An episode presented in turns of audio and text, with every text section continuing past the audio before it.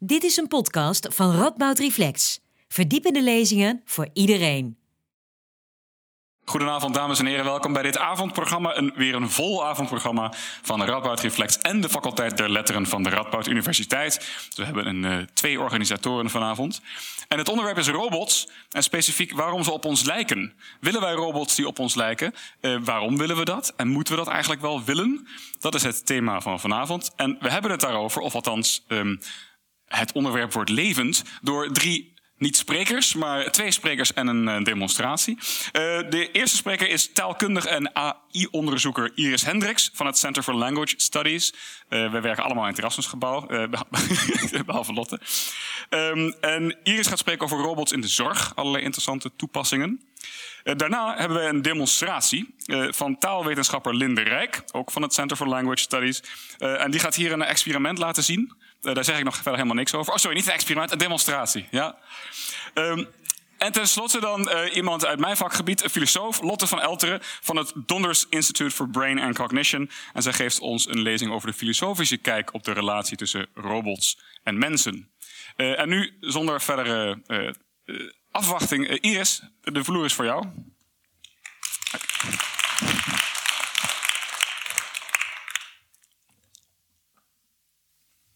Iets uh, gaan vertellen over robots. En wat zijn robots? Dus uh, je hebt heel veel ideeën over robots. Uh, je ziet verhalen uit de media. En Lin zal straks ook wat laten zien met robots. Maar robots zijn eigenlijk niks anders dan programmeerbare machines die een bepaalde taak uitvoeren. Bijvoorbeeld Roomba, de stofzuigerrobot. Die heeft één taak en dat is stofzuigen. dus dat is wat een robot, wat, waar een robot voor bedoeld is.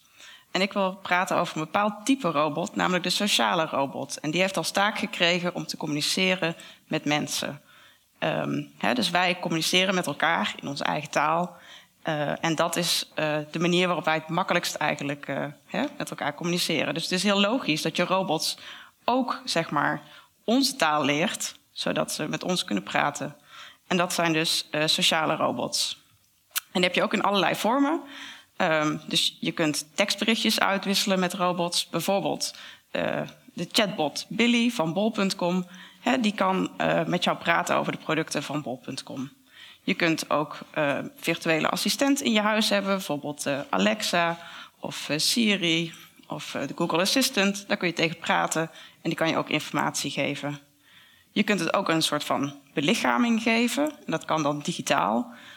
dus hier op het uh, op het plaatje zie je Alice.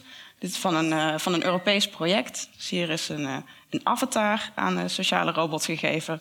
Waardoor het ook een lichaam heeft, waardoor het gezichtsuitdrukkingen kan delen. En ook hè, daarmee de communicatie kan bevo bevorderen.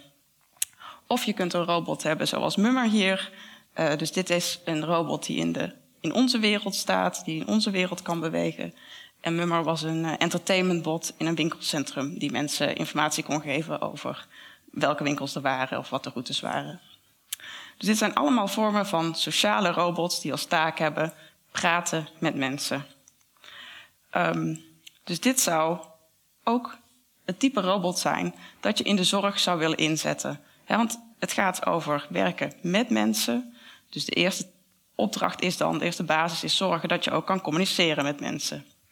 Uh, dus wie, wie, zou daarvoor openstaan voor een robot? Uh, als je later ouder bent en uh, misschien wat hulp nodig heeft, wie zou daarvoor openstaan?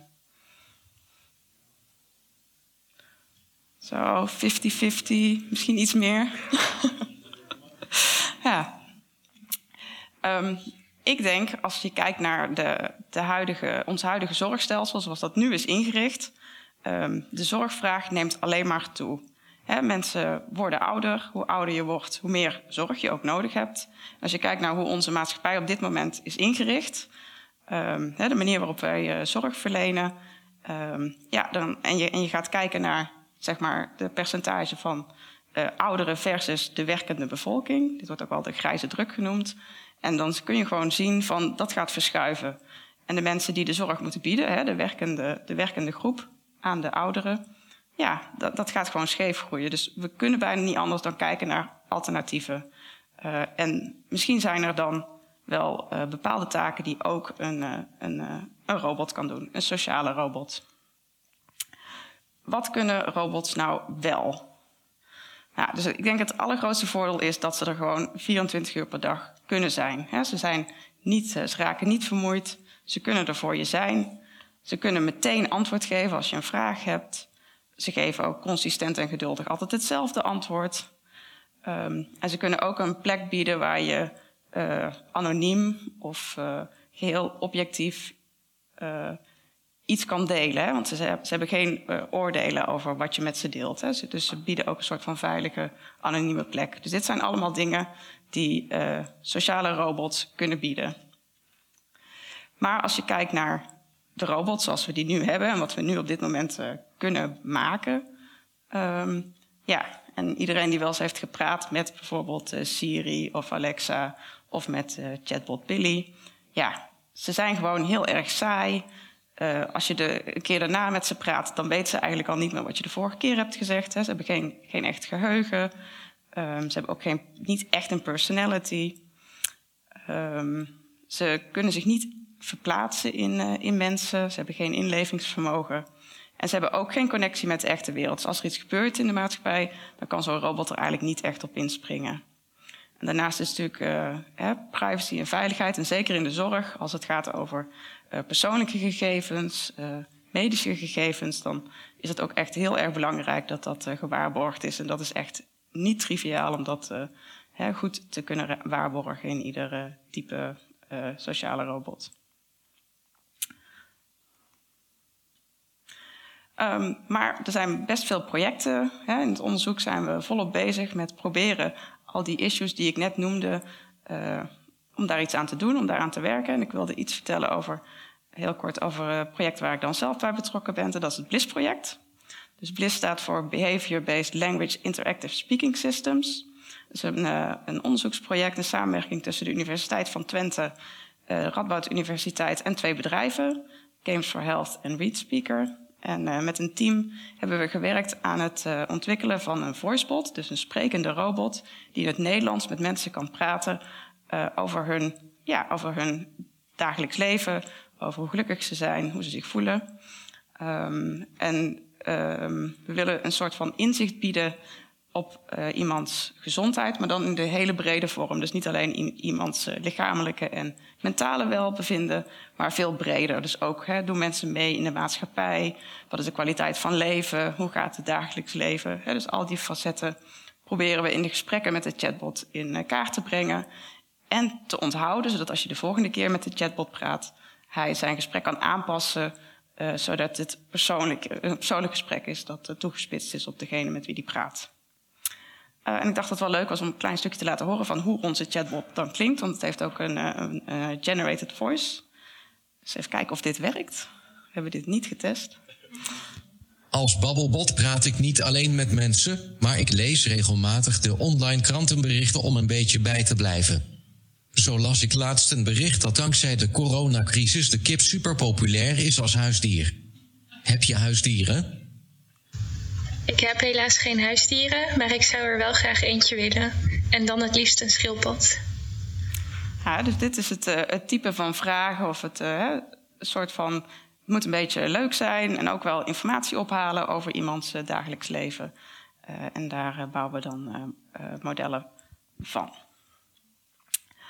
Um, dus als je kijkt naar dit, dit project, dus hier hebben we echt een prototype gemaakt we hebben vooral gekeken ook naar de technische aspecten. We waren geïnteresseerd van hoe maak je nou goede gesprekken? Uh, hoe werkt het met die, uh, met die stem en verstaat de robot wat je zegt? en kan die die informatie ook goed opslaan? Dus wij hebben vooral een technisch prototype gemaakt. Dus dit is niet een chatbot die op de markt komt, hè, want het is een onderzoeksproject. Het is echt bedoeld als een soort van eerste stap en kijken wat we kunnen doen aan sommige van die problemen die ik noemde. Zoals bijvoorbeeld hè, personalisatie en een geheugen van gesprekken. Um, dit type van uh, sociale chatbots, hè, dus intelligente sprekende computers, die zou je in de zorg kunnen inzetten op allerlei punten.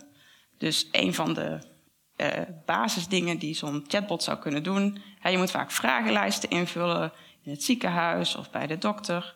Nou, misschien is het wel veel leuker om dat in een soort van gespreksvorm te doen dan uh, dat je zo'n vragenlijst doorwerkt. En die zou je dan ook al kunnen toespitsen op bepaalde patiëntengroepen of bepaalde doelgroepen. Dus hè, vervanging van vragenlijst is iets waar zoiets heel makkelijk al en nu ook al ingezet kan worden. Um, het is ook iets wat uh, ingezet kan worden als een soort van support. Um, omdat het 24 uur per dag beschikbaar is. Dus als je een dringende vraag hebt, midden in de nacht, nou, zo'n chatbot is er. Hè? En ook, ook een coach kan op ieder moment van de dag als een steuntje helpen. Uh, hè? Dus als ondersteuning van, uh, van een traject dat je misschien hebt met een, uh, met een arts. En natuurlijk, het kan ook gewoon leuk zijn. Hè? Het kan gewoon afleiding of vermaak zijn om een praatje te maken met zo'n chatbot. Dus dit zijn richtingen waar je het allemaal voor zou kunnen gebruiken. Dus ik ben ook heel duidelijk dat ik niet zeg dat dit dokters gaat vervangen, maar echt ter ondersteuning van. En um, als je kijkt naar de taken die ik opnoemde, die zo'n sociale robot zou kunnen doen, dan kom je eigenlijk ook vanzelf uit op de vraag waarom robots op onszelf lijken. Dus ze zijn ontworpen om met ons te communiceren, om zeg maar onderdeel te zijn van onze maatschappij. En het is het logischste, het is gewoon logisch dat ze op ons lijken qua communicatie, want dat is de, de, de, de weg van de minste weerstand, de makkelijkste, meest intuïtieve manier waarop we contact met robots kunnen maken. Als ze onze taal spreken, hoeven wij ons niet zo aan te passen. Dus ik denk dat dat een reden is waarom uh, robots uh, voor een deel uh, zo erg op ons lijken. En ik hoop dat we daar straks in de discussie nog meer over kunnen bespreken. Um, als je kijkt wat een robot nu doet en wat nu kan, robots kunnen niet echt begrijpen wat we zeggen, niet echt begrijpen wat we willen. Uh, emotieherkenning, daar wordt heel hard aan gewerkt. En ook in onze chatbot zit een module die probeert emoties uit de, uit de spraak te halen. Maar ja, hè, hij zit er toch heel vaak ook gewoon naast, want dat kunnen we gewoon nog niet zo goed. Um, en ik denk dat als je kijkt naar wat er nodig is, uh, ja, voor de toekomst, dan wil je toch een chatbot waar je uiteindelijk een relatie mee op kan bouwen. En of dat nou is als, uh, als een assistent die jou herinnert wanneer je medicatie moet innemen, of misschien als een coach die je aanmoedigt uh, bij bepaalde sportieve activiteiten. Um, je moet er vertrouwen in hebben dat die robot de taak kan uitvoeren die jij van de robot verwacht. en dat, dat is iets waar we denk ik op dit moment absoluut nog niet zijn ondanks de populariteit van ChatGTP, op dit moment denk ik dat, dat dit nog toekomstmuziek is waar, waar nog voldoende onderzoek voor te doen is. Ja, dus dat was wat ik wilde vertellen.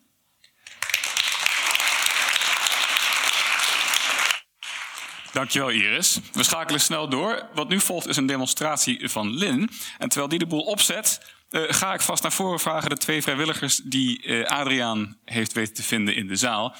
Uh, want twee van u hebben zich bereid verklaard om als vrijwilliger op te treden en de demonstratie te ondergaan. Hier is de microfoon wel, fantastisch, ja? Oké. Nou, kom, ik blijf even achter de speaker staan, dan krijgen we een echo. Mag ik misschien vragen hoe jullie heten? Uh, mijn naam is Esther. Dag Esther, hallo. Denise. Dag Denise. Nou, welkom. misschien even, terwijl hier achter mij nog even... Ah. Daar Kijk eens even, we krijgen een close-up. Misschien even heel kort. Um, hebben jullie een bepaalde interesse voor robots? Dat jullie naar het programma vanavond trokken? Of uh, denk je van, nou, dit is gewoon een maandagavond, ik zit hier altijd? nee, dat niet. Ja. Nee, juist eigenlijk omdat ik er niks van af wist, dacht ik. Dat lijkt me wel interessant om okay. meer erover te leren. Oké, okay. het is precies goed. Ik zit nou zelf ook te praten, maar dat hoeft helemaal niet. Ja. Um, ja, ik heb het altijd wel interessant gevonden. Um, ja, ik zou er ook wel meer over willen weten, dus vandaar. Ja. ja. Hebben, hebben jullie al wel eens uh, GPT gebruikt? Het is misschien niet helemaal het beste voorbeeld van een robot, maar... Nee, nog nooit. Nee, oké. Okay. Nou, voor mij zijn jullie de, de perfecte vrijwilligers voor, dit, uh, ja, voor, dit, voor, deze demonstratie. Uh, dus nou, we wachten even tot Lin helemaal klaar is. Ja. Robots die zijn uh, nog niet geheel zelfstandig. Ja. Dus, zoals je kunt zien inderdaad. Ja, er moet soms nog... we laten alles achter de schermen ook even voor de schermen zien. Ja, precies ja. Dus, Jullie zien al wat bewegen, maar misschien mag je nog niet te veel kijken. Weet ik niet zo goed. ja, nee, het is oké. Okay. ah ja. Mooi. Ben benieuwd. Wat vonden jullie van de, de vragen toen er gevraagd werd... Zijn hier, zouden jullie later aan je bed, als je zorg nodig hebt... een robot uh, daar willen hebben? Of zijn je daarvoor open? Ja, ik denk het wel. Ja. Vooral om de ja, ik denk dat het de rest van de zorg misschien de druk wat ontlast, zeg maar. Dus daarom sta ik er wel voor open, ja. Ja, ja wat jij ook? Ja, hetzelfde eigenlijk. Ja, voor ontlasting van de, ja, de zorg eigenlijk. Ja. Ja. En zou je ook uh, bepaalde risico's zien? Er zijn wel dingen waar ik dan denk, nou, ik, ik, zou er ook voor openstaan. Hè? Maar ik zou dan wel denken van, ja, maar hoe zit het dan met... En hebben jullie ook zoiets? Of ik denk, ja, misschien dat het nog te vroeg is om dat te zeggen, denk Ah, ja. ik. Ja, mensen kunnen ook eh, ziek worden of, of uitvallen. Of, eh, ja, het is natuurlijk niet te vergelijken misschien, maar... Ah, ja, ja. Het is, het is, ja, ik zou ook niet weten hoe het dan zal zijn, maar robots kunnen ook kapot gaan? precies. Ja. Ik denk dan vooral ook aan privacy en zo. Want eh, ja, je je kunt natuurlijk al een robot hebben die eh, geen data doorspeelt. Maar hoe weet je dat? Ja, ja dat, Maar dat gebeurt dagelijks, op dagelijkse schaal ook al eh, middels heel veel systemen. Dus ja, in die zin. Ja, dat is waar. Dat is waar. Oké, oké. Nou, ja. Oh, eh, ik stel voor dat we gaan beginnen. Maar ik ben al wel bang dat... eh, maar goed, dat gaan we, ga ik vanzelf uitleggen. Eh, ik, mijn, mijn praatje, of demonstratie eigenlijk. Hallo allemaal. Ehm, en hallo beide, Denise en... Esther. Esther, hi. Bedankt voor het vrijwilligen. Ehm, het idee van deze demonstratie is eigenlijk eh, om ook een beetje een beeld te geven van hoe gaat het nou dus in het echt. Want we kunnen natuurlijk heel veel praten over robots, maar ik begreep in ieder geval van wat Frank net vroeg dat jullie allebei nog nooit een robot eh, in het echt gezien hebben. Ehm, dus mijn idee was om, eh, en daarom ga ik het ook een beetje improviseren en kijken, ja, eh, hier is een robot. Eh, als er straks robots in het echt zijn, ja, dan sta je als mens dus voor de vraag van oké, en nu? Dus ik wil jullie vragen, en nu?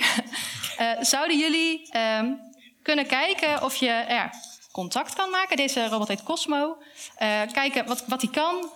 en daarin eh, ga ik jullie ook vragen stellen, dus maak je geen zorgen. Ik begrijp dat jullie op een podium staan en dat het is. Maar het is interessant om te zien, oké, hoe doe je dat nou? Dus eh, als jullie hier komen staan, inderdaad. Dan, eh, ja, precies. Dus Kan hij ons verstaan? ik ga dus niet vertellen wat hij precies kan. Kijk maar, ja. Ja, precies. Deze staat wel aan, dus ik zou denken. Brand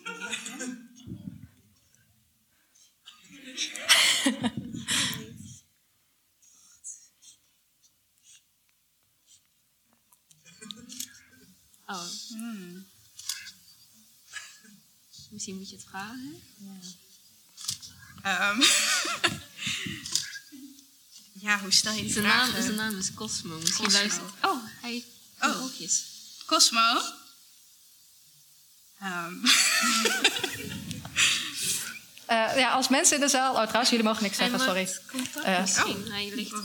Dus. Cosmo. Ehm, blokje? oh, hij doet iets. Ja, dit is Ehm. dus al super mooi. Ik zal al een aantal dingen aanwijzen. Want waarom is dit nou leuk om te zien? Eh, allereerst, wat ik zie is jullie. Ik heb jullie natuurlijk gevraagd om hier te gaan staan, maar jullie gaan ook al een soort van. Een soort van in zijn gezichtsveld staan. Maar ja, zijn gezicht is natuurlijk een scherm. Dus het is al sowieso een illusie van.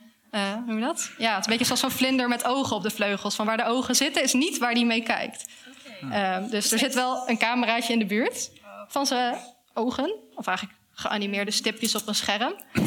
Eh, maar wat ik ook heel leuk vond om te zien, inderdaad, van ja, oh, ehm, nou ja, er liggen objecten bij, dat zal dan wel bij hem horen. Nou ja, bij mensen zou je niet bij mij zo, oh, kan ik met jou interactie hebben met deze iPad en de laptop en zo. Ehm, eh, en ook inderdaad, ja, mee praten van Cosmo. Naam is best wel logisch. Doen we bij mensen ook. Hè? Als je iemand op straat ziet die je kent, dan zeg je de naam. eh, om de aandacht te krijgen. En dan vervolgens wordt het blokje. Dus dat is alweer meer een soort van echt kijken naar, oh, dit is een machine. Dus misschien zijn er woorden die erin geprogrammeerd zijn, misschien inderdaad. Ja.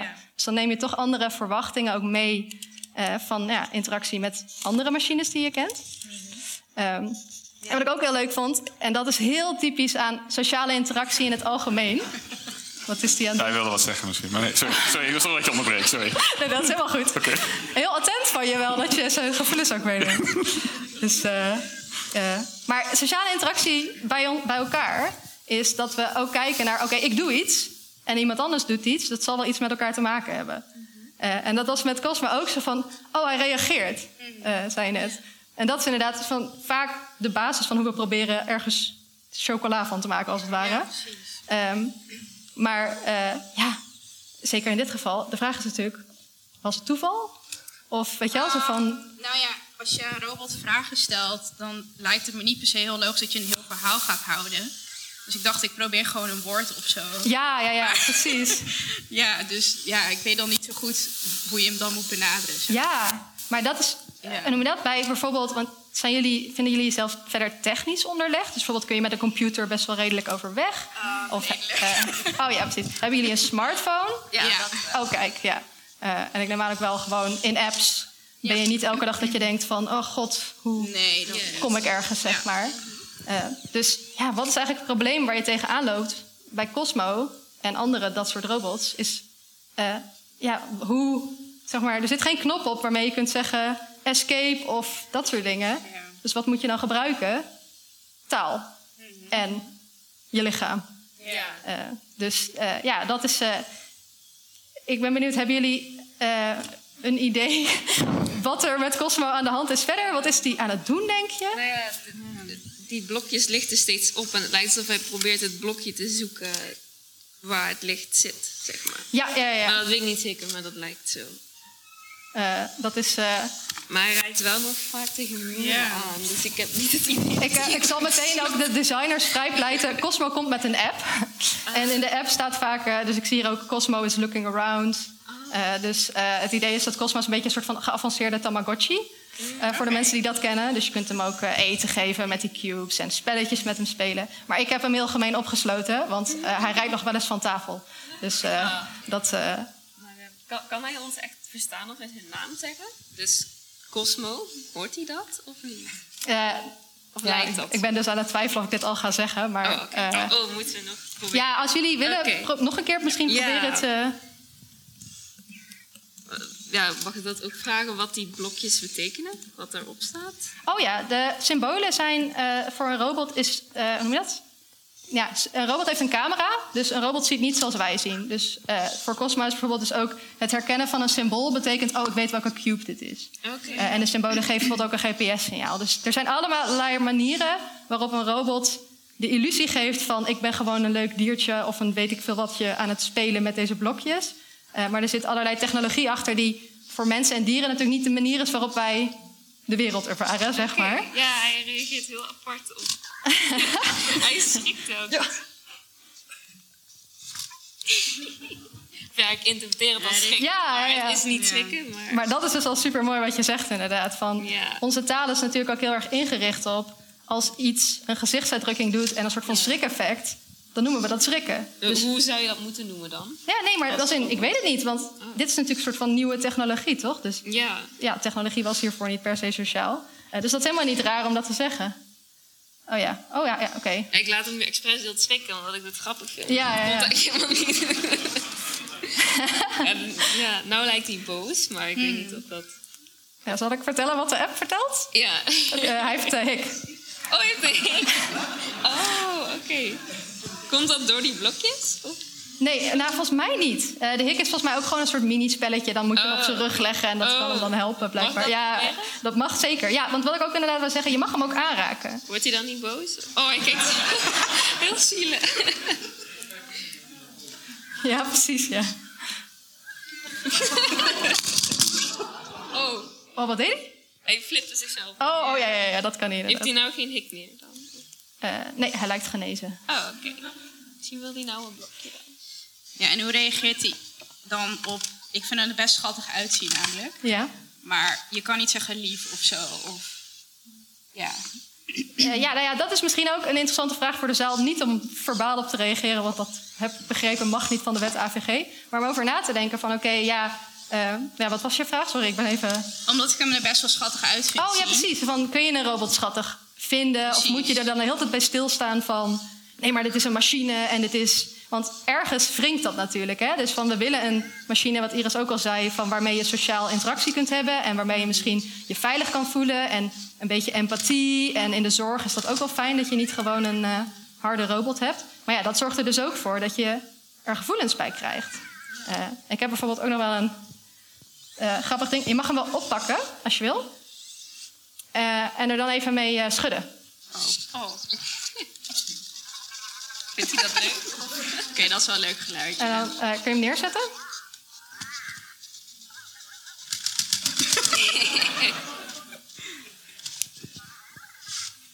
Dus van, dit is wel gemaakt voor ons om inderdaad allemaal, ik hoor ook al mensen, ah, van, dat het iets met je doet.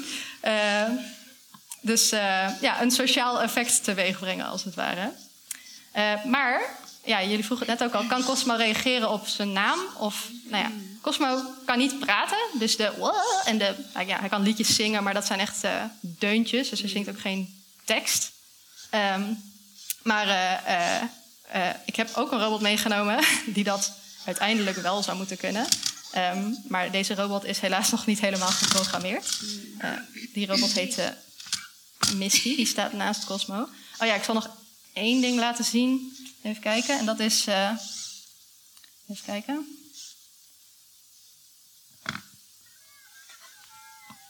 Oh ja, dat.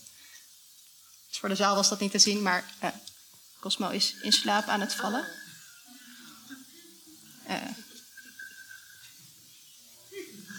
ja, je hoort hem dus ook heel zachtjes snurken. Maar eh, ook dat is dus een interessant iets, want een robot, ik ga hem nu ook weer op de lader zetten, is. eh, wij- zijn hier denk ik drie kwartier mee bezig geweest om dit op te zetten en dan te kijken of het werkt. En jullie zien ook in de laptop. En deze hoort bij Cosmo, deze hoort bij Misty. Die zal ik dus nu ook even introduceren. Ehm, en nou ja, er zijn hier allemaal adapters, moeten opgeladen worden. Dus ja, het voelt als echt inderdaad iets wat autonoom in de wereld iets kan doen, net zoals wij. Maar er gaat heel veel werk in om eigenlijk die illusie in stand te houden. Dus ook voor Mummer heette die. Ja, ik ken hem als Pepper, die robot. Maar eh, ja, daarbij is het ook echt... Ja, het is heel indrukwekkende technologie hoor, dat natuurlijk wel. Ehm, Maar wat hadden wij nou met die blokjes moeten doen? eh, met, met de blokjes kun je spelletjes doen met Cosmo. Eh, en ik had ze neergelegd omdat hij ze ook zelf kan gaan stapelen en weet ik veel Ja, wat mee ik had gaan het doen. wel zo gedaan, maar ik had... Oh ja, precies. Jij was eigenlijk al aan het helpen. Ehm, maar eh, de app vraagt je dan wil je een spelletje doen. En als je, ik heb dat wel eens geprobeerd. Als je niet de app erbij hebt, dan heb je echt zoiets van wat wil je van me? Ehm, dus, maar anderzijds is dat ook wel weer leuk, want dan wordt hij dus ineens boos. En dan denk je, Ah, oh, dat was wel wat heb ik... Ja, precies. Sommige animaties zijn inderdaad bedoeld als boos. Maar ja, wederom is het... Wat je ook al zei, hij is niet echt boos. Maar de ontwerpers hebben er vaak een idee mee. Dus eh, soms, volgens mij zei je ook een keer... Oh ja, bij de hik dacht je dat hij boos was. Dus, Ja. dus het is ook nogal een puzzel van hoe ontwerp je nou... eh, ja, een robot die leesbaar is, maar ook voelt als een, ja, iets sociaals... waar iets achter zit. Ehm, en bij Misty... Ik heb Misty even een heel simpel programmaatje gegeven. En daar mogen jullie ook eh, bij helpen. Maar het bij helpen is heel simpel. Dus het is alleen eigenlijk een kleine ontmoeting. Eh, dus ik ga het programmaatje starten. En ehm, we moeten even kijken of jullie... Kunnen jullie een beetje in Misty's zicht gaan staan? Even kijken hoor. Zonder dat we inderdaad eh, heel erg voor de camera staan. Oh ja, als, als jullie hier willen staan... dan eh, kan Misty jullie tussen hele grote aanhalingstekens zien. Eh, en eh, Misty is dus een robot die in principe kan praten, maar dat heeft ook echt veel voeten in de aarde. En dat vertelde Iris ook al een beetje van, nou ja, van spraak, noem je dat? Iets maken wat een robot snapt en kan analyseren en dan kan teruggeven, dat valt nog niet mee. Maar Misty is wel echt indrukwekkend, en dat tenminste vind ik. Dus ik zal hem gewoon even spelen. Ja, en kunnen jullie proberen eh, dat Misty jullie gezicht kan zien? Hallo, ik ben Misty. Hoe heet jij? Denise antwoorden. Er gebeurde iets. Dat was een foutje van mij. Oh ja, eh, oké, dus dit was heel simpel. Eh, en het reden waarom ik dit wilde laten zien, ondanks dat het heel simpel is, en de simpelheid ligt aan mij, want ik heb dit even snel geprogrammeerd, eh, eh, ja, omdat ingewikkeldere dingen allemaal misgingen. Ehm, maar eh, wat je merkt is, ik heb dus gezegd, zeg maar hallo, en zeg maar daarna leuk je te ontmoeten. En ik doe daar gewoon een stukje tijd tussen, van wacht maar gewoon. Ja, Dus Misty kan niet verstaan dat jij zegt, ik ben Denise. ja precies. Maar als het goed was gegaan, had je wel dat idee gehad. ja precies. En dat is een beetje wat we doen met robots. Dus dat je eigenlijk wederom dus de illusie probeert in stand te houden van... eh, oh, ik heb connectie. Terwijl eigenlijk is het een soort van... Want wat je bij Missie ook kunt doen, en ik denk dat dat misschien nog beter voelt, is... eh jullie mogen wel proberen op het hoofd of onder de kin aan te raken. Pas op dat je niet... eh Denise, ja. Oh, ook niet tegelijk alsjeblieft. Kun je, wederom inderdaad van die dingen die dus in het echt meteen gaan gebeuren. En waar dus als programmeur zo van een robot kan één ding tegelijk. Maar wat jij deed was inderdaad goed, maar misschien iets meer met een hele hand. wederom dus ook van je moet echt signalen een bepaalde vorm geven. Oh, waarom doe je het nou niet? Misschien dan boven? Oh ja, probeer maar. Maar je mag wel echt meer eh, een hele hand neerleggen. hey, het is dit nou. Doe eens. Hallo? Vindt u dit oké? Of... Ja, maar perplex, hè? Kom eens. Dat is een beetje verlegen misschien. Ja. Nou, Maar uh, Eh. Misty vroeg net ook, eh, hoe gaat het met... Of nee, hoe, hoe heet jij en niet hoe heten jullie? Dus hij herkent maar... heel goed opgemerkt, inderdaad. Dat, eh, eh, dat zijn dus ook dingen, inderdaad. Ik heb als programmeur bedacht, hoe gaat deze situatie eruit zien? En daar dan aannames in gemaakt. Maar in het echt gaat het altijd anders. Dus wij zijn als mensen heel flexibel. Wat ik ook even wil aanwijzen is dat jullie, terwijl ik aan het praten ben, de hele tijd aan het knikken zijn. Dus dat wij heel erg met elkaar bezig zijn te laten zien, begrijpen we elkaar. En een robot is gewoon vooralsnog praten, luisteren. Maar niet tegelijk, over het algemeen. Ehm, en dat maakt dus ook heel veel van dat samenwerken wat wij doen eigenlijk eh, niet mogelijk. Eh, ik ga hem nog één keer proberen of hij dit wil doen. Hallo? Wil je niet meer? Helaas. Wat gek. Nou ja. Eh, dit eh, zal aan mijn onkunde liggen en niet aan de fantastische makers van Misty. Ehm, maar ik zag volgens mij net inderdaad. Oh ja, precies. Ik heb nog twee minuten. Eh, dus ik wil jullie heel erg bedanken en bevrijden van dit hele warme podium. Eh, dus ik hoop dat jullie het leuk vonden om in ieder geval eh, ja, het keer het echt mee te maken. Maar ja, hartstikke bedankt. En misschien kunnen we ook.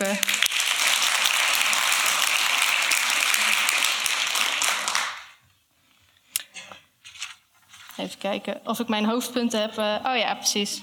Ehm, ja, precies. Ik wou nog heel even kort afronden. Eh, dus dat is inderdaad terugkoppelend aan het thema... waarom lijken robots op ons? Iris stipt het ook al aan. Eh, ze zijn gemaakt om met ons interactie te hebben. Dus het is fijn als er een schermpje is met iets wat op een gezicht lijkt... zodat je weet waar je in de camera staat. Het is fijn als je feedback krijgt als je iets doet. Want dat is ook hoe wij eh, interactie hebben met elkaar. Maar wederom kun je dus afvragen... lijken ze op ons? Want ja, wat is het nou precies wat wij doen...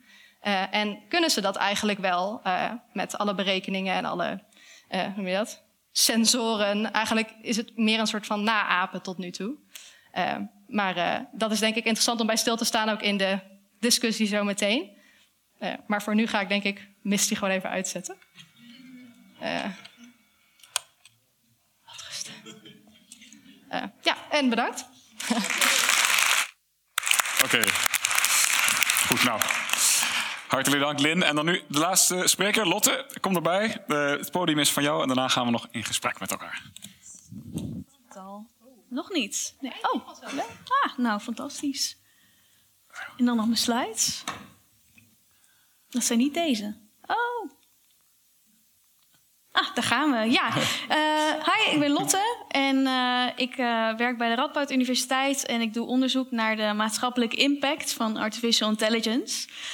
Um, ja, de titel van mijn presentatie verbaast je misschien een beetje, want jullie zijn naar dit evenement gekomen om te horen waarom robots op ons lijken. Um, ik denk wel dat robots op mensen lijken. Ik denk alleen dat ze op een bepaalde hele specifieke groep mensen lijken, namelijk witte vrouwen.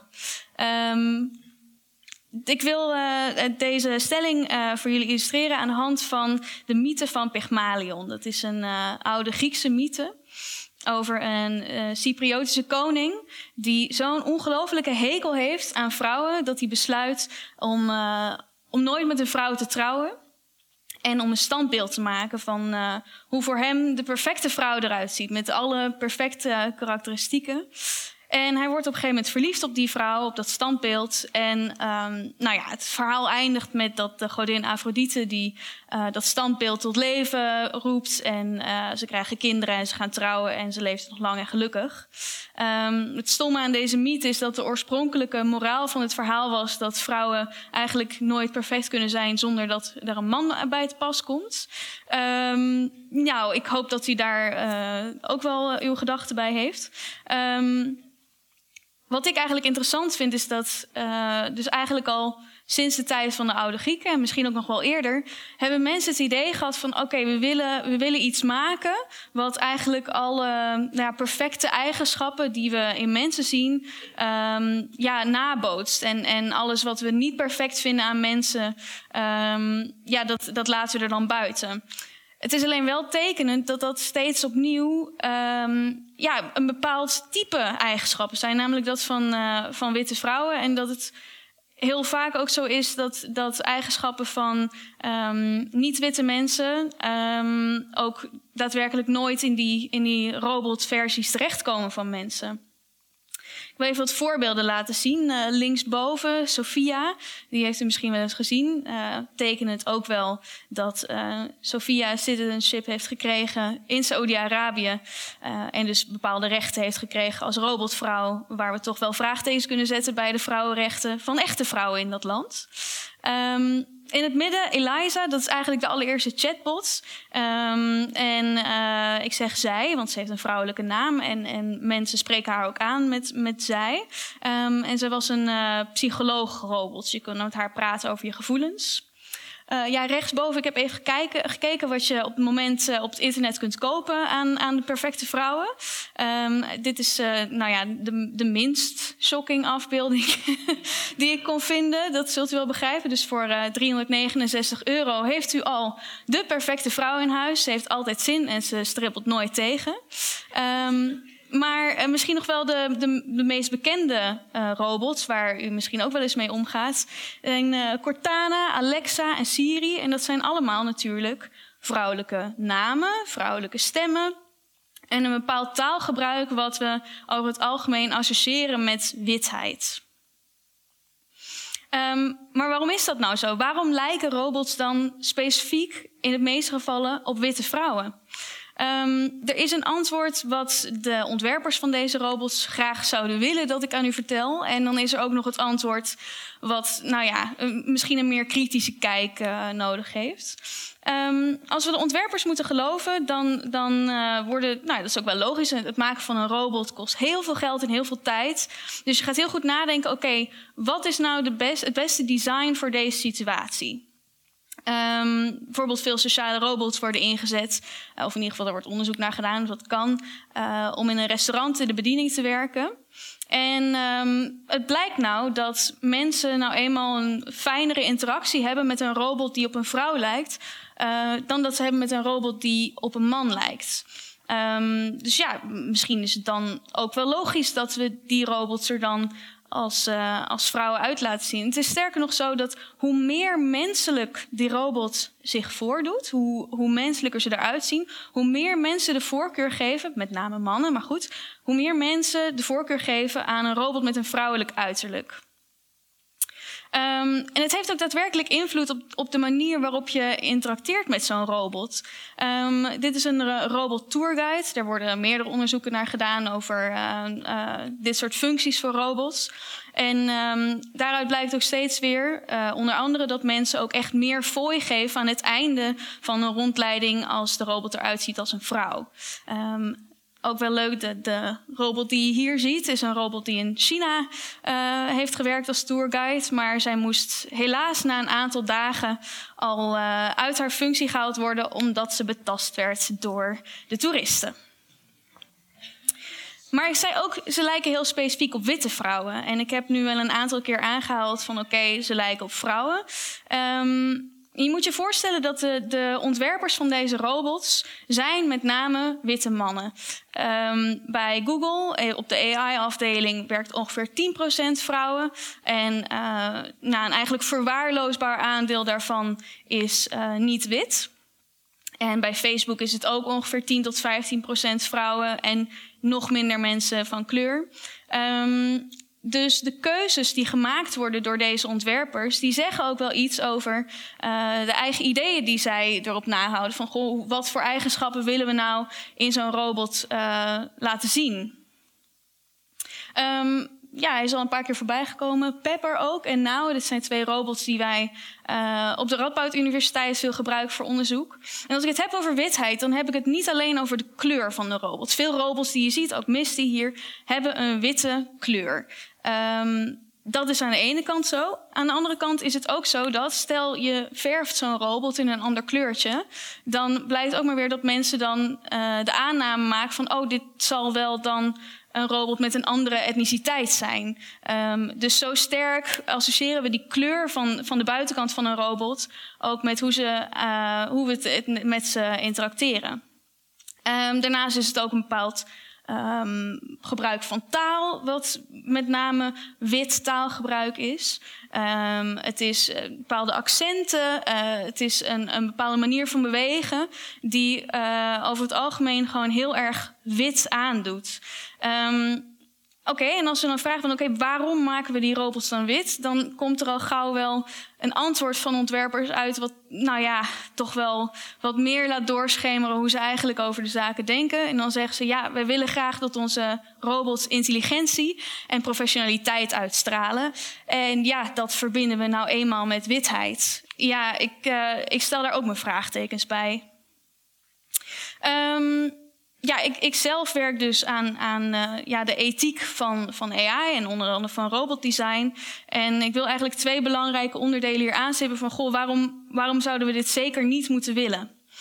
Um, aan de ene kant is er het versterken van bepaalde stereotypen die, die uh, mensen al hebben. Bijvoorbeeld steeds maar weer het zien van een, iets wat eruit ziet als een vrouw in een bepaalde rol. Uh, als serveerster, als schoonmaker. Um, nou ja, je kunt je voorstellen dat dat misschien wel iets doet met de manier waarop je naar mensenvrouwen kijkt. En daarnaast zijn er ook wel mensen die denken, en dat, nou ja, in hoeverre we dat kunnen bewijzen is lastig natuurlijk. Maar dat als je bijvoorbeeld steeds op een commanderende toon praat met Cortana of met Alexia of Siri, dat als je vervolgens een vrouwenstem hoort, dat je daar misschien ook wel eerder dan met een commanderende toon tegen zult praten. Aan de andere kant is het ook een reflectie van de eigen menselijke bias, dus de vooroordelen en oordelen die je al hebt. Um, die, die, ja, die, die reflecteren eigenlijk niet alleen de vooroordelen van um, de makers van die robots, maar ook van de, de plek waar, waarop ze terechtkomen. Um, die robots die worden gemaakt voor een bepaalde doelgroep mensen. En op het moment zijn de enige mensen, nou ja, met name de enige mensen die die robots kunnen betalen, dat zijn witte, rijke mensen, met name mannen.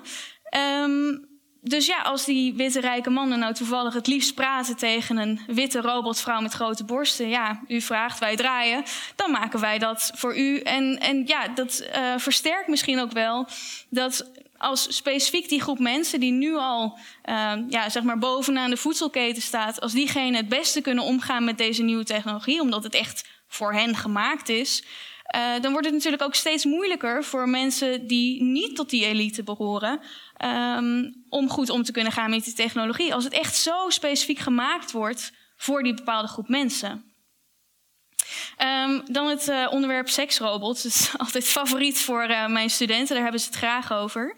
Um, ja, uh, ik had al net een robot laten zien, een seksrobot. Maar uh, ze kunnen er in allerlei vormen en maten komen. En heel veel mensen zeggen dan, ja, nou, seksrobots, oké, daar moeten we misschien een uitzondering voor maken. Hè? Want dat kan ook heel veel goeds betekenen voor de samenleving. Bijvoorbeeld, ja, dat er uh, minder illegale sekswerkers zijn. En ja, dat, dat kan toch alleen maar iets goeds betekenen.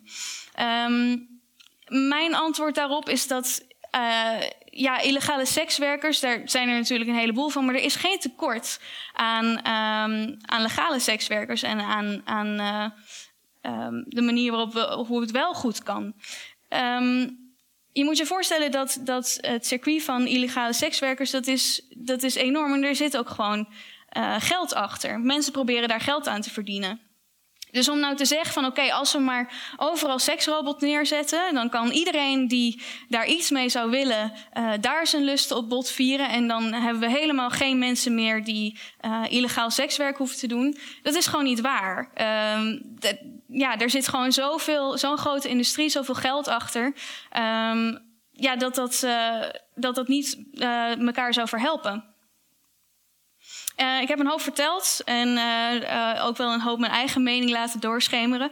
Maar als je toch iets moet onthouden van wat ik vanavond verteld heb, is dat de designs van die robots die zijn niet willekeurig. En natuurlijk zit er ook geld en, en tijdsconstraints op.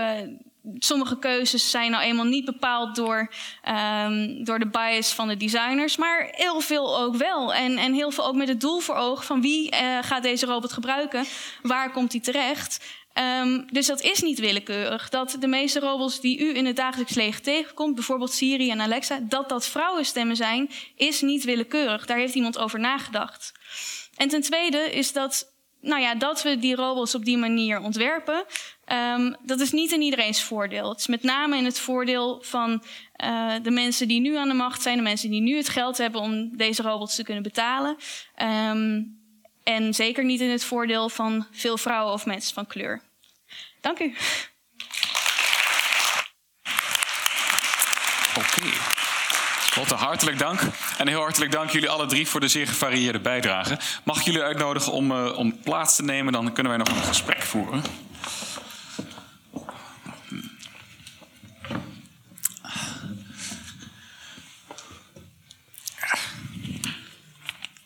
Nou, nogmaals dank. En ik zou eigenlijk willen beginnen met, de eerste, met deze vraag. Hoe menselijk zijn robots nu al eigenlijk? Jij liet een aantal voorbeelden zien van robots die uiterlijk, althans, uh, sterk op bepaalde soorten mensen lijken, laat ik het zo zeggen.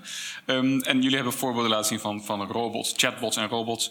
Um, de interactie die we hier zagen, mede door misschien een lastige setup met de app, was nog niet heel erg menselijk of zo. Nee. Uh, en en ik, we hebben nog geen voorbeelden gezien van, van Bliss. Uh, of althans, één, één screenshot volgens mij. Maar hoe, hoe menselijk al, zeg maar, de verschijning lijkt nu menselijker dan de interactie. Zien jullie dat ook, of is dat nog... Uh... Wij zijn als allebei tegelijk, dus wij zitten in een dilemma natuurlijk. Wie er nou oh, ja, ja. gaat beginnen, maar... Ja, dus... Um helemaal niet zo menselijk natuurlijk. Nee, dus ik denk, uh, we proberen een beetje na te apen. We proberen een gesprek uh, te laten voeren. Dus als je het hebt over uh, gesprekken. Um, en uh, de, de, de trend met ehm, ChatGTP, dan klinkt het in ieder geval goed. Maar het is natuurlijk niet echt dat ik zou zeggen van nee, we zijn al heel ver. Okay. en, en heb je, want jij hebt betere voorbeelden gezien van, tenminste nu ging er iets mis met het ja, aanraken. Maar... ik wou het inderdaad een beetje nuanceren, want uh, ja. uh, ik wou erkennen dat dit deels, dit is wel heel uh, beperkt. En dat komt door hoe ik het geprogrammeerd heb. Maar ik, ja, denken aan bijvoorbeeld apparaten als Siri en Alexa. Daarin zie je ook dat de interactie heel beperkt is. Want wat je krijgt is doorgaans, jij zegt hey Alexa, Alexa reageert. Jij zegt doe dit. Zoek iets op internet, draai muziek. En dan gaat Alexa dat hopelijk als meteen goed doen. Maar soms zegt hij dan, ik snap het niet. En dan zit je in zo'n loop van, wil je dit alsjeblieft doen? Dus in die zin, wat uh, jij ook al zei, van het is heel repetitief. Maar het is ook heel erg, noem je dat? Uh, robotisch in die zin. Het, mensen worden gedwongen om zich meer als robots te gaan opstellen. Dus heel erg langer te wachten. Ik bedoel, wij, de pauzes tussen onze beurten zijn bijvoorbeeld heel kort. Dat echt nou ja, twee milliseconden. Uh, en bij robotinteractie zie je dat kan gerust drie seconden worden. Ja. Uh, maar natuurlijk voor het gebruiksgemak zou je willen dat dat menselijker wordt. Althans, meer zoals wij communiceren. En, en dat zou jij natuurlijk zeker ook zeggen als het gaat om zorgrobots. Waar je ja. ook uh, um, ja, je hart, je, hoe je, je zielenpijn wil kwijt wil. Als, dat moet een bepaalde manier menselijker worden. Dus dat streven, dat hebben jullie wel beiden. Want ik, ik ben natuurlijk langzaam aan het toebewegen naar het tegenwicht. Maar zouden jullie zeggen dat moet menselijker? Of zou je dat niet zo zeggen? Nee, ik zou zeggen machines zijn gereedschappen. En zoals ChatGPT is heel leuk gereedschap, kun je voor bepaalde dingen inzetten. Maar ik ben zelf iemand die. Ik geloof niet in technologie als de oplossing voor alles. En ik denk dat jij dat ook al heel goed aanstipte met dat sekswerk. Van het idee is. We hebben mensen die dit nu doen, dat is vervelend, dus nu moeten robots het doen en dan is het probleem opgelost. Maar nou ja, ik, dat is denk ik ook waar wij misschien het minder met elkaar eens zijn. Want ik zie dat ook niet in de zorg, zo 1, 2, 3. Uh, noem je dat? Eén, dat robots het gaan oplossen. Maar ook vraag ik me af, als we kijken naar robots, missen we dan niet oplossingen die wellicht makkelijker zijn, duurzamer, menselijker? Oké, okay, maar Iris, jij gaf duidelijk aan dat je denkt dat, dat er echt wel behoefte is op een gegeven moment aan. Ja, uh, ik denk ja. dat, uh, ik denk dat um, als, je het, maar als je goed kan nadoen zoals wij mensen met elkaar praten, dus hè, daar hebben we nog echt wel stappen in te maken. Maar als je echt kan uh, interacteren met zo'n robot, en hij heeft een bepaald doel, hè, want ik heb het niet over, dus hij moet iets doen. Dat kan ook een leuk praatje zijn of uh, ergens helpen. Of inderdaad, hè, um, zoals Siri, van hey, uh, je moet, no je moet uh, op tijd vertrekken, want anders dan kom je te laat aan, want het is druk op de weg. Nou ja, zoiets. Hè? Dus dat zijn dingen die een robot heel makkelijk zou kunnen doen.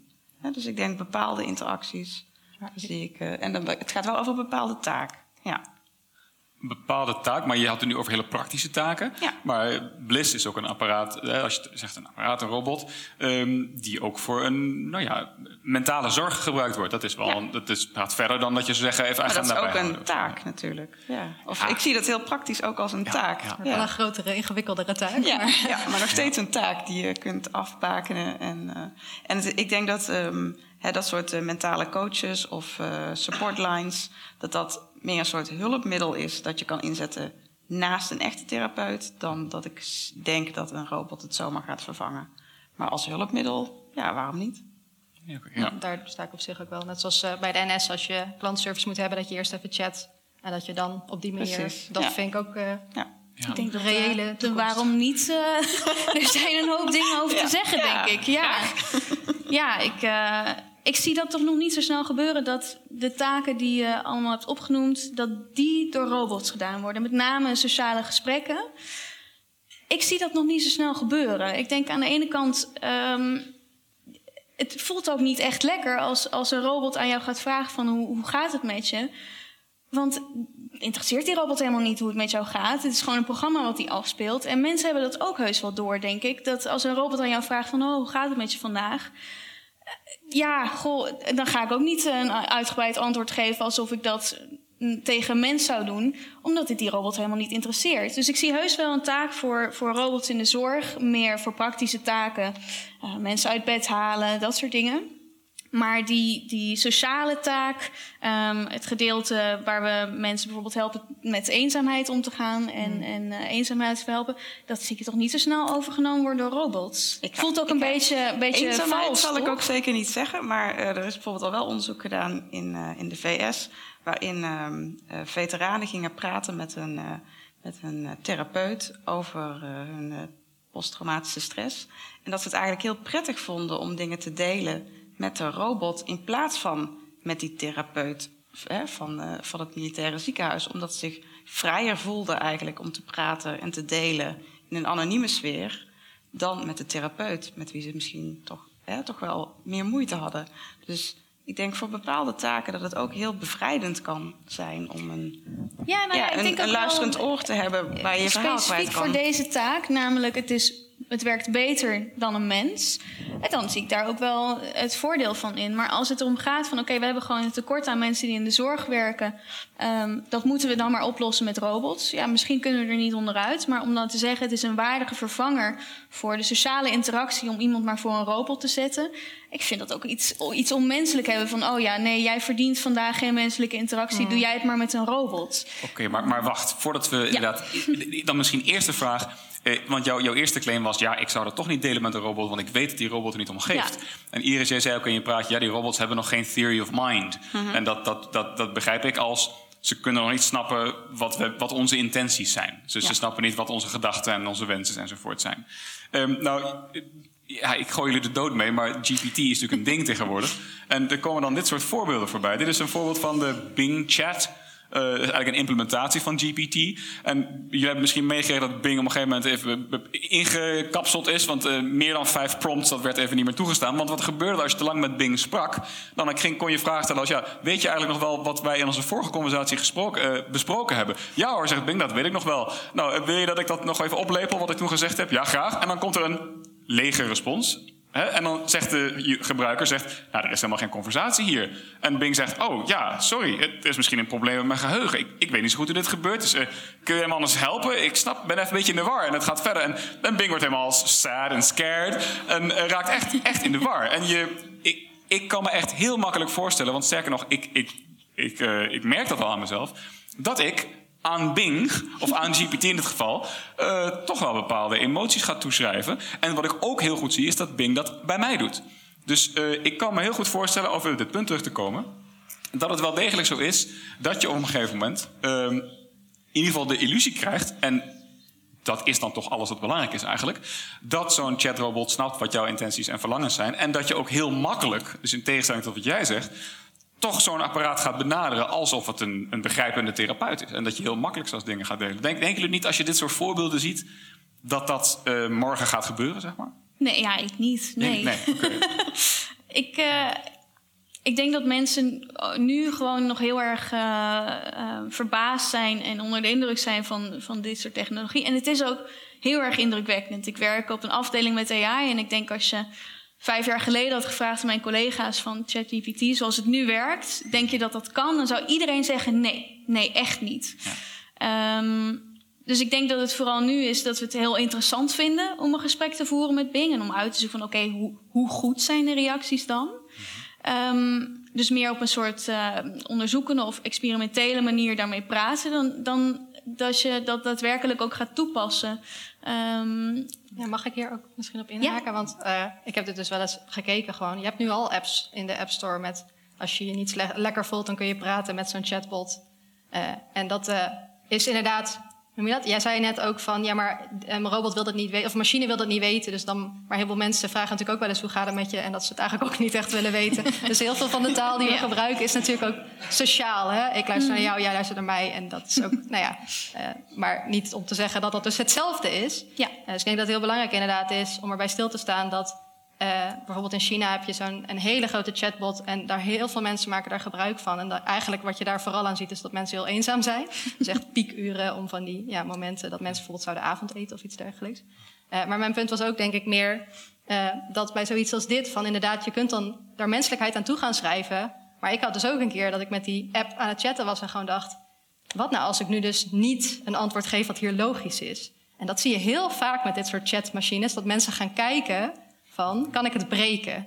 En ik denk dat we dat bij mensen niet doen. dus ergens zit er toch een stukje van de bewustheid, hoe noem je dat? De bewust, het bewustzijn ja.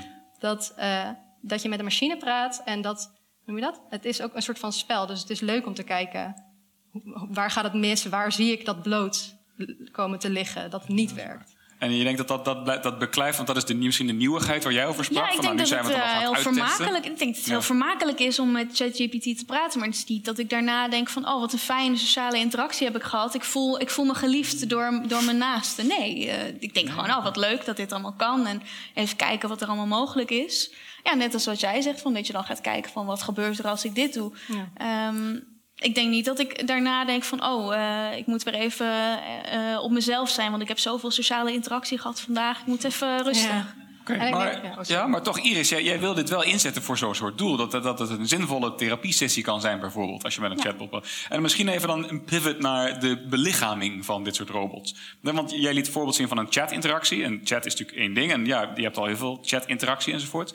Um, is dat Bliss-project, zeg maar, is dat belichaamd op een bepaalde manier? Zit het ook in een robot? Is het dan misschien makkelijker voor de, voor de patiënten om toch uh, ja, de connectie te maken? Ja? Nee, dus in ons project hebben we één stapje vooruit gedaan en dat, dat het een stem heeft. Dus het kan praten. Hè? Dus je kan in ieder geval op uh, natuurlijke wijze praten met de chatbot, maar het heeft geen lichaam. Dus het is, uh, het is een, een app in een webbrowser. Ah, ja. Ja. En, en, maar zou je, als je vooruit kijkt, zo, zou je dan wel zeggen... als dit ooit een toepassing vindt in de zorg, dit soort systemen...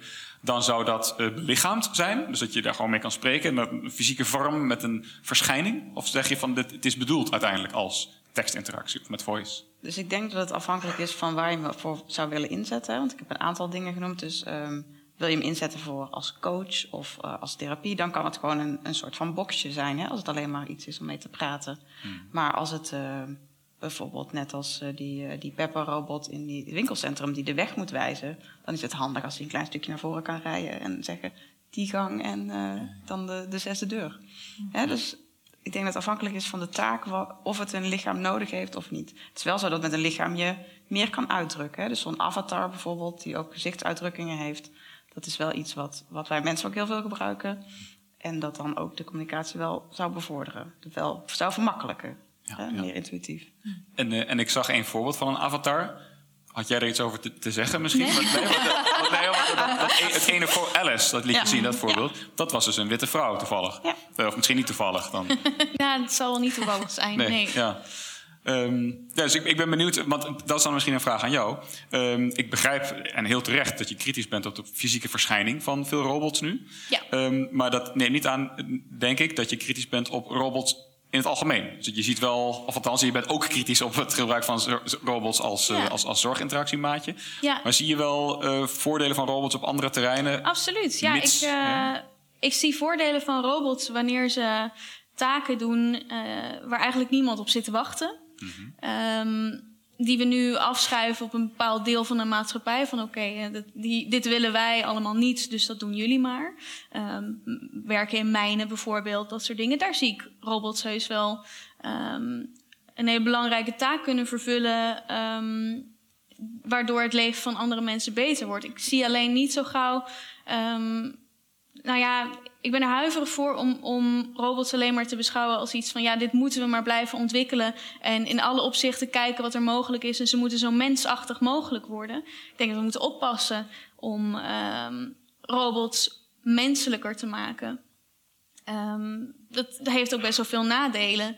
Um, ik had uh, in het voorgesprek met jou zei je iets interessants. Um, dat uh, robots zoals Cosmo, dat die vaak uit de markt gaan. Mm -hmm. uh, omdat interacteren met zo'n, met zo'n, tenminste dat haalde ik eruit. met zo'n Cosmo, ja, dat is even leuk. Maar uiteindelijk gaat dat ding ook zelf iets van jou willen. En um, dan wordt het al gauw best wel stom als een robot ook van jou iets wil. Het is vooral fijn als een robot voor jou iets uitvoert en, en iets doet. Maar hij moet niet zelf ook met behoeften naar jou toe komen. En ik denk als we ervoor zorgen dat die robots steeds menselijker worden, um, dat het wel gevaarlijk is om dan ze nog steeds zo um, te blijven behandelen. Als oké, okay, ja, dit ding dit is een soort van slaaf en die heeft verder geen behoefte en die doet alleen maar wat ik wil. Maar we zorgen er wel voor dat hij steeds menselijker wordt. Ja, oh ja. als ik ja. daarop mag aanhaken. Oh, dan mijn microfoon dat wel doen. Inderdaad, zo van, het is vooral heel onlogisch. Zo van, we hebben de kans om iets te maken wat ons leven beter kan maken. En heel veel mensen hebben geen goed leven. Bijvoorbeeld mensen inderdaad die werk moeten doen wat niemand eigenlijk wil doen. Uh, maar ja, ze moeten ze doen, want anders heb je. Nee. Uh, dus dan ga je een robot bouwen. Maar ik heb ook wel eens gelezen, niet in een onderzoek trouwens, dus uh, neem het misschien met een korrel zout. Maar dat je bijvoorbeeld van die robots hebt om bommen te ontmantelen. Dus van die soort van. Ja, het zijn een soort van hondachtige wezens, want ze hebben van die poten, zodat ze dus op heel onstabiel terrein kunnen lopen. Maar wat er dan dus ook gebeurt, is dat mensen die robots niet uit willen sturen, want dan vinden ze het zielig, want het is een soort hond. En dat zie je bij Cosmo natuurlijk ook. Van, het heeft ook meteen, brengt het allemaal dingen met zich mee. Dus als je een robot wil hebben die in een mijn werkt, of zoals we al hebben, robots in fabrieken die auto's bouwen, die hebben geen, liever geen gezicht. Of maar geen... dat zijn ook geen sociale robots. Maar daar, ik zeg dit ook en toen dacht ik, maar ze maken dus nu ook, kijken ze naar, kunnen we dat wel doen? Bijvoorbeeld een robot in een, weet je, zo'n fabrieksarm met een wel dat je kunt zien waar die naar kijkt. Want er zijn natuurlijk ook weer mensen die daarmee werken. Dus zo van ergens. Maar het is heel erg oppassen inderdaad van... Uh, wat willen we? Ja. En uh, hoe kan ontwerp dat bereiken? En alleen maar denken, oh, maar het zou heel tof zijn als we data uit Star Trek hebben. Dat is een beetje ja. de vraag van ja. Ja, ja. ja, en wie geniet de voordelen van deze ja, precies. Uh, en, nieuwe technologie? Ja, wie, wie wordt hier beter van? Ja. Dat is denk ik altijd een goede maar vraag. Dit is, dit is wel een, een, dilemma voor jou misschien, Iris. Want als je zegt, ik wil een sociale robot maken... Uh, en die moet een bepaalde mate van menselijkheid hebben... wil je daar die sociale functie mee kunnen uitvoeren. Ja. Maar tegelijkertijd, als hij misschien te menselijk wordt... Hè, wat we misschien net bij Bing zagen... die in een andere conversatie ook jaloers wordt op andere Bings... andere tabbladen en zo... Dan ga je maar geen denken, ja, ho even. Uh, ik zit hier iets te gebruiken als een instrument, maar dat is iets. En wat, er was ook een zo'n Google-engineer, die, die was ervan overtuigd geraakt dat Lambda uh, bewust was geworden. Ja, ja, en die zei, ja, we hebben iets vreselijks gedaan hier. dus, dus maar jij moet een bepaalde balans vinden dan tussen wel nog duidelijk maken aan de patiënt van dit is een machine die je gebruikt. Uh, maar tegelijk moet die menselijk genoeg zijn om die sociale interactie mee te hebben. Is dat een snij van dilemma dat jou bekend is? Of? Ja, ik denk dat daar ook heel veel leuke films over zijn gemaakt, toch? Oh ja, ja, ja, ja Het is echt iets wat, uh, wat bijvoorbeeld AI van uh, Steven Spielberg en Stanley Kubrick is een film die daarover gaat. Als, een, uh, als je een robot emoties geeft, ben je dan ook verantwoordelijk? Heb je dan ook verantwoordelijkheid naar die robot toe? Hè? Als, als hij kan voelen, mag je hem dan pijn doen? Hè? En dat is dan echt een filosofische vraag.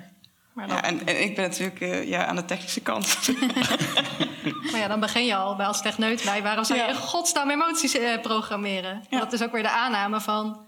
een ander moet empathie hebben met, weet je wel, zo van... dus dat emoties voelen voor robots belangrijk zijn... om de taak uit te voeren van een luisterend oor of een... Ja, om het te herkennen van, het in ieder geval te herkennen van We nu uh, dus emoties. al zien dat dat niet nodig is. Want jij vond bij Bing al dat je dacht, oh... Ja, ja en je kan je natuurlijk afvragen... Hè, wat, wat ik net zei, die theory of mind... Um, als je er blijk van geeft als entiteit, als apparaat of als mens, dat je emoties van anderen begrijpt, dan is dat voor sommigen genoeg om te zeggen dat is een intentioneel systeem. Ja, Eh, dus dus Ja. ja, dan, dan is de vraag meteen, ja, moeten we dan dat apparaat ook rechten geven? Want kennelijk kan het net zoals wij navigeren in een intentionele wereld. Ja. Eh, ja, het is een, een lastig vlak. En jij komt daar misschien het eerst op van, van de mensen hier. Want jij bent misschien met minder humanoïde vormen van, eh, van robot bezig. Eh, en jij zou zeggen, we moeten überhaupt niet eh, klussen uitbesteden... of geen sociale robots maken misschien? Nou ja, misschien wel sociale robots, maar je moet er wel over blijven nadenken van wat, wat betekent dat en waarom willen we dat? Ehm, ik wil niet zeggen dat alle sociale robots eh, uitgesloten zijn, zeker niet. Ehm, er zijn ook vast voordelen te bedenken, maar ik denk niet dat we maar lukraak moeten gaan ehm, eh, blij moeten zijn met alle nieuwe technologie die er is. En dat je moet blijven stilstaan bij, bij wat, eh, wat de impact ervan is. Ja, het is in ieder geval heel goed dat je bewustzijn creëert voor het idee dat, of voor het gegeven dat al die verschijningsvormen, zover ze er zijn, vrijwel allemaal witte vrouwen zijn. Dat is wel Ja. echt een, eh, een eye-opener. Ehm, ik heb misschien een vraag voor Iris, die ook over een andere risico gaat van zorgrobots. Eh, Bij, bij het ethernet zei ik iets over privacy, wat ook mij wel aan het hart gaat. Ik dacht, van, ja, ga ik mijn, mijn, mijn zielenleed bij zo'n robot neerleggen? Eh, de- ik weet niet wie er allemaal meeluistert. Mijn smart TV die stuurt ook alle opnames uit mijn huiskamer naar China... waar dan mensen zitten luisteren of ze wel goed mijn eh, commando's interpreteren. ik denk, dat ga ik dan bij zo'n robot helemaal niet doen. Maar jij, jij zei toen iets van, nee, maar dat kan juist eh, privé zijn. Of dat kan juist... eh, Ja, omdat een robot eh, hè, een, een objectief anoniem luisterend oor kan bieden. Hè? Dus eh, een therapeut waar je iets aan vertelt, ja, die heeft toch stiekem natuurlijk eigenlijk toch best wel een mening over wat je vertelt. Eh, en zo'n robot heeft natuurlijk geen enkel oordeel. Hè? Dus dat kan ook heel bevrijdend werken. Het is inderdaad zo dat je aan de technische kant moet zorgen dat er dan ook niemand bij die gegevens kan, behalve de gebruiker zelf. Ja. Dat is natuurlijk dan een voorwaarde. Ah, dus ik snap je punt inderdaad. Omdat Ja. het, het voelt minder als een vooringenomen persoon met wie Ja. je spreekt, maar meer een. Ja. Maar, maar ja, dan kan ik me ook voorstellen, misschien heb jij er ook wel. Ja, dat- ja, hè, dat, dat, ja, dat- ik dat zit toch ook wel weer mijn vraagtekens. Nou ja, dat niet alleen, maar ook bij, bij hoe objectief is zo'n apparaat. Hè? Ik bedoel, uiteindelijk kun je hem uitzetten en dan, dan vindt hij niks meer. Maar de, Zo. de, ja, ehm, de, de reacties die hij teruggeeft, die zijn ergens op gebaseerd. Die zijn op data gebaseerd. Eh, er kan bias zijn in die data. Er kan bias zijn die vanuit de ontwerpers die hem gemaakt hebben. Dus om nou zomaar te zeggen, nou zo'n apparaat is dan objectief. Nee, dat lijkt me toch niet. Nee. Het is, ik vind het heel grappig, want we zijn nu heel erg in de AI altijd bezig met eh, dat we allerlei biasen moeten uitsluiten. Geen gender bias. Ehm, maar het is natuurlijk maar net in welk stukje van de, van de maatschappij en welk stukje van de wereld je leeft. Want ja, hè, wij willen geen gender bias, maar in andere landen zouden ze toch liever eigenlijk wel een gender bias bijvoorbeeld Mhm. hebben. Dus het is ook heel erg eh, cultureel afhankelijk. En ik denk dat we daar nog helemaal niet eh, zo mee bezig zijn. We zijn nu heel erg bezig met het proberen af te timmeren. Mhm. In onze, dat het binnen onze westerse cultuur past. Ehm, maar ja, ik denk dat dat, dat zeker iets is eh, waar ik het wel eens ben dat daar nog heel veel moet gebeuren. En je hebt gelijk dat ook een robot kan eh, anoniem in ieder geval een luisterend oor bieden. Je kunt het proberen zo objectief mogelijk te maken. Maar je, het, het heeft altijd een bepaald. eh, ook, het gaat ook, als, het, als het een coach is of een, eh, een therapievorm, dan is het ook gebaseerd op iemands mening uiteindelijk. Ja, dat blijft. Ja, ja. Ja. Ja, en ook de taalmodellen, waar jij dan onder andere ook mee werkt, die zijn natuurlijk getraind op een bepaald corpus waar ook bepaalde vooringenomenheid in zit. Ja, ja. Ja. lastig. Ja. Ja, en ook gezichtsherkenning trouwens. Want dat is dus Ah. ook zo'n robot. Wat, wat ziet hij nou bij een gezicht? Nou, een beige schijf was een tijd het ding. Maar ja, dat is dus beige. Ah, ja. Eh, dus dat soort dingen. En eh, eh, bepaalde stemmen. Ik las laatst een heel recent paper ging over... Ik had het net over dat wij heel vaak aan elkaar teruggeven... door te knikken en door nou ja, blikrichting en zo... hoe we elkaar begrijpen. En je hebt dus ook robots waarbij ze dat proberen te doen. En dat die robots dat veel meer doen bij ja, wat we dan mannelijke stemmen noemen. Dus gewoon lagere stemmen. Eh, maar dat zijn natuurlijk ook allemaal wel dingen die... eh, ik denk inderdaad, het idee is meer dat het een reflectie is van de maatschappij. Zo van, we weten dat er stereotypen zijn, dat zien we in design ook. Eh, en dat is iets om bij stil te staan, want als je het eenmaal moet gebruiken in de zorg en jouw robot kan jou niet horen, ja, dan wat dan? Ja. Ja. ja, goede vraag. Misschien nog een vervolg eh, over autonomie. Daar had je het net ook over. Eh, in hoeverre robots autonoom kunnen opereren. Tot op heden niet heel erg autonoom. Nou, niet. Nee, Gewoon. niet autonoom. Ja, Ja. precies. Eh, en denken jullie of, dat je met name misschien voor het vervullen van bepaalde sociale functies... een bepaalde autonomie nodig gaat hebben? En denken jullie, want nu laten we nog even naar de toekomst kijken... dat we daar misschien überhaupt heen gaan? Want ik, ik als leek zie dan filmpjes van Boston Dynamics robots die salto's kunnen maken en zware gereedschapskoffers aangeven. En ik zie GPT waarvan ik denk, ja, die is slimmer dan mijn studenten, die is slimmer dan ik ben.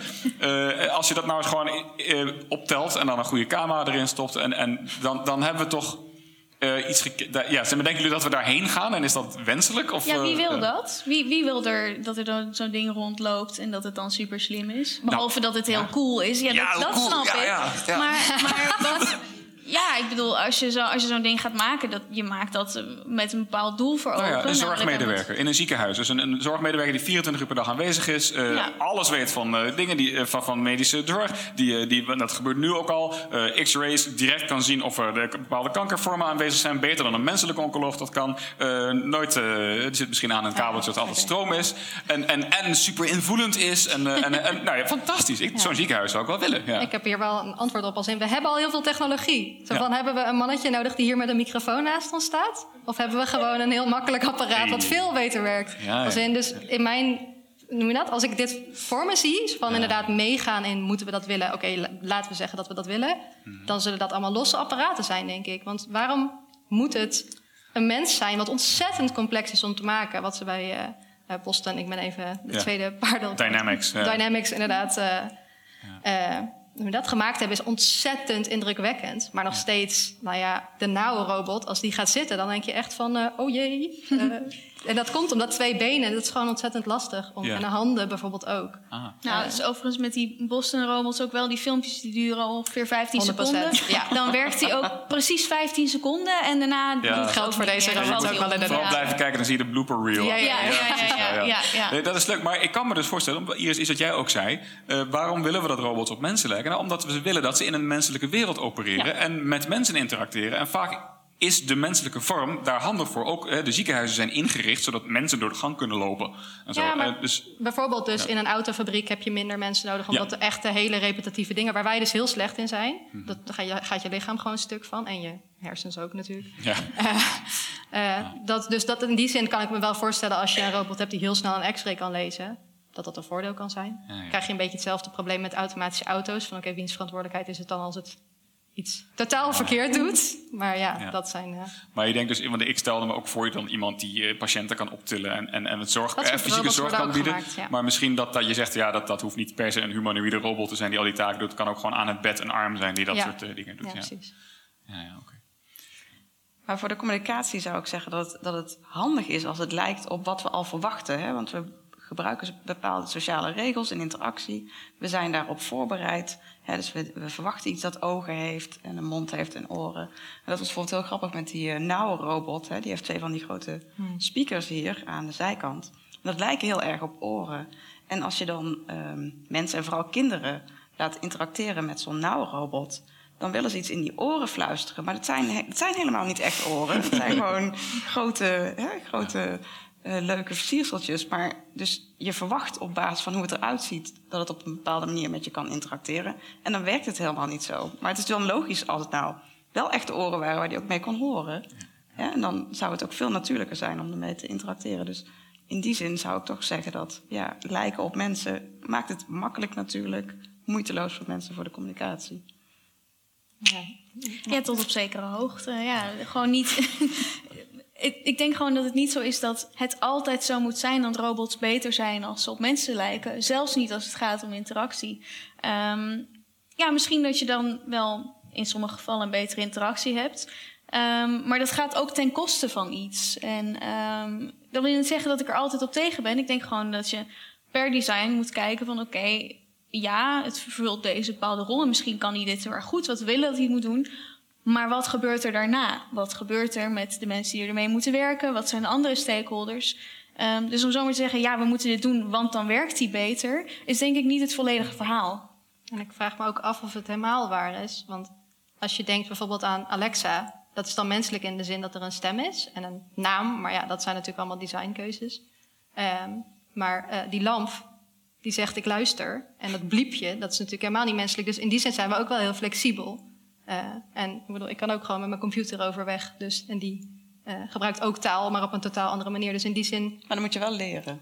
Dat is precies. Ja. Dus de vraag is inderdaad. eh, de heen en weer. Maar bij robots zie ik in ieder geval tot nu toe. Maar ja, de vraag is, kun je dat ooit helemaal weg hebben? Eh, moet je ook leren, eh, hoe dat? Ja, hoe lang moet ik wachten? Wat Ja. kan hij verstaan?